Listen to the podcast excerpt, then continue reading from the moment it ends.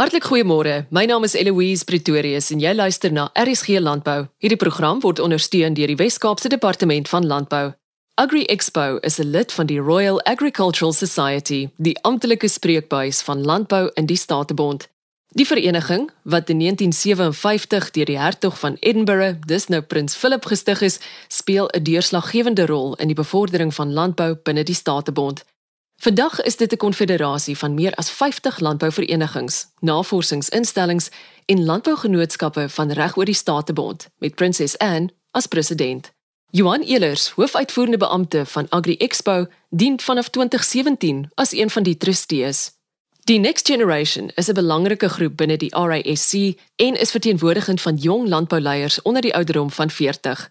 Elke tweede jaar word daar 'n missie geloods na 'n bepaalde land.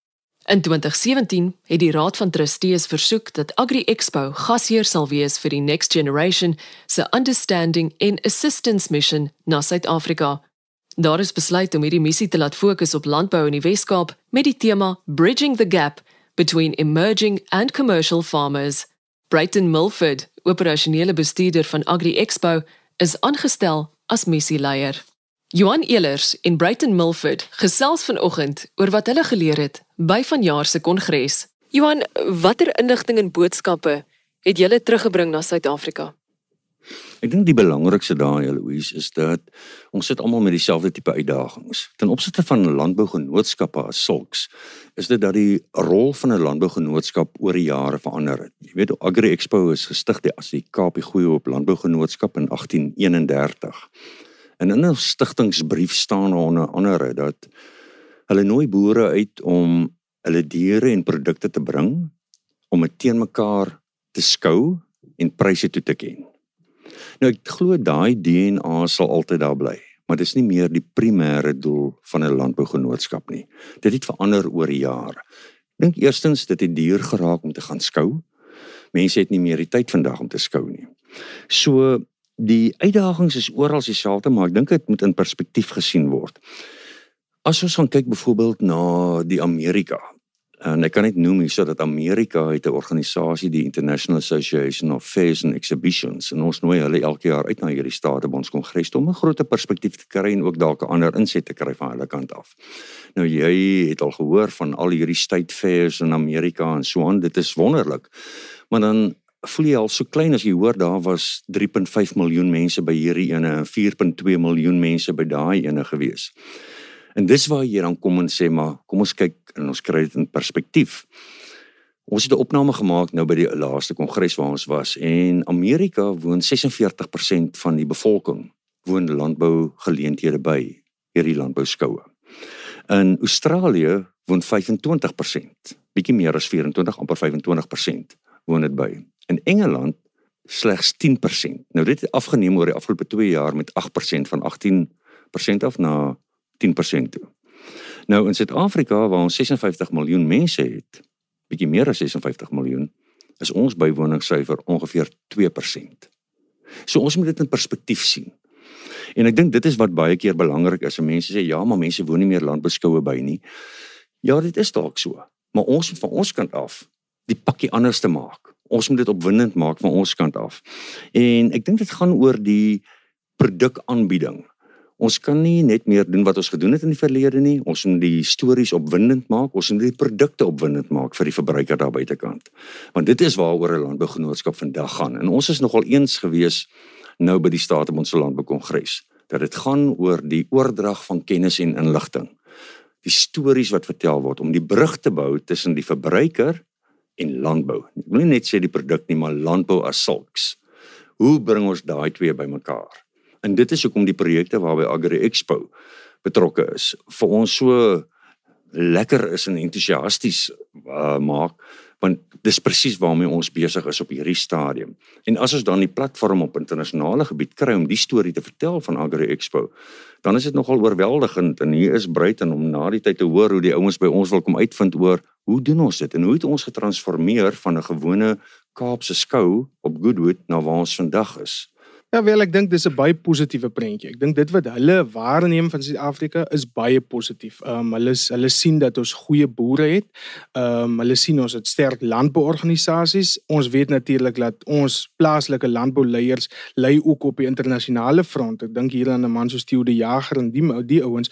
So definitief, hulle hulle hulle slaan vir Suid-Afrika baie hoog aan. Ons hoef nie terug te staan vir vir enige land daar buite nie. Ek dink ons ons as landbouers kan baie trots wees ehm um, spesifiek op die landbouleiers wat ons het. So ja, hulle slaan ons regtig baie hoog aan. Landbou as sulks. Jy weet een ding wat ook uitgekom het vir my by die kongres is dat ons moet ons moet praat van die voedselindustrie en en en 'n bietjie die landbou uh, jy weet 'n bietjie ek wil nie sê afskaal nie, maar as ons die oomblik as ons praat van die global voedselindustrie of die Afrikaanse voedselindustrie, dan maak ons ons soveel sterker.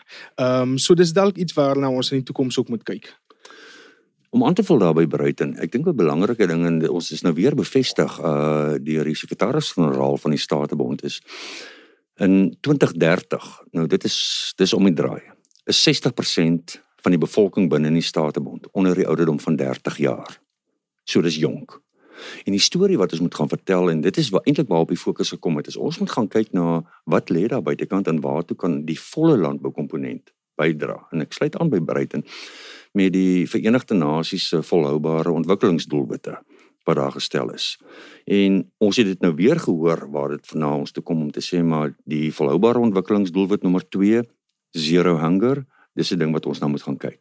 Maar die belangrike een is die nommer 12 van die volhoubare ontwikkelingsdoelwit en dit is waar hulle sê die sinvolle verbruik van voedsel. Voedselvermorsing wat daar inkom, histories van kos.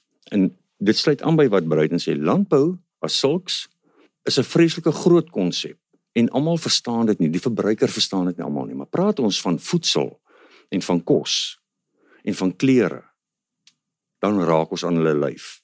Dan kom ons in hulle huis in.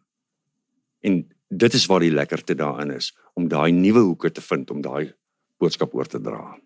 Johan jy praat oor die stories van kos maar wat van die stories van water? Beslis dit is definitief 'n baie belangrike ene en ek dink ons het by Agri Expo hierdie jaar 'n wonderlike uitdaging gehad. Ek sê 'n wonderlike uitdaging, mens sê ook net so as jy dit suksesvol afgehandel het.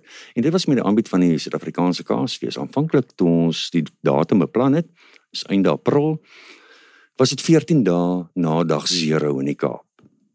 En ons uitdaging was, moet ons voortgaan daarmee of moet ons dit stop? In samesprekings met minister Ellen Windy en Weskerou in die Kaap het ons eintlik gereageer op hulle versoek dat ons by sal bydra om voortgaan om die ekonomie te versterk in die Weskaap. En het ons vir onsself die doelwit gestel om die Suid-Afrikaanse kaasfees met 30000 mense van die waterrooster van die Kaap af te haal en aan te bied. En ons het dit suksesvol gedoen. Maar ons het daar saam met vennote gegaan en ons het gesê, "Goed, kom ons voet verder op."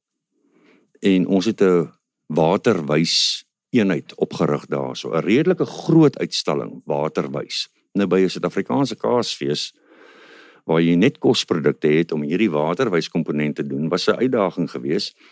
En ek wil vir jou sê Louise die ontvangs wat ons van die verbruiker gekry het daaroor oor die verantwoordelikheid maar ook die interessantheid.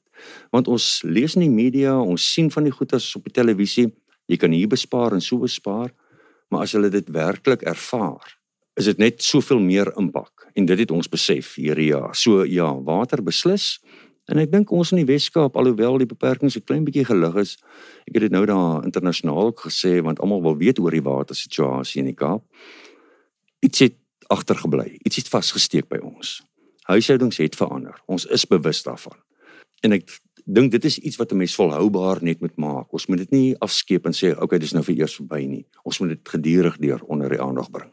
Johan Elers, hoofuitvoerende beampte van Agri Expo en Brighton Milford, operasionele bestuurder van Agri Expo, sluit volgende week weer by my aan vir die laaste keer in ons reeks oor die Statebond se landboukongres wat onlangs in Kanada gehou is.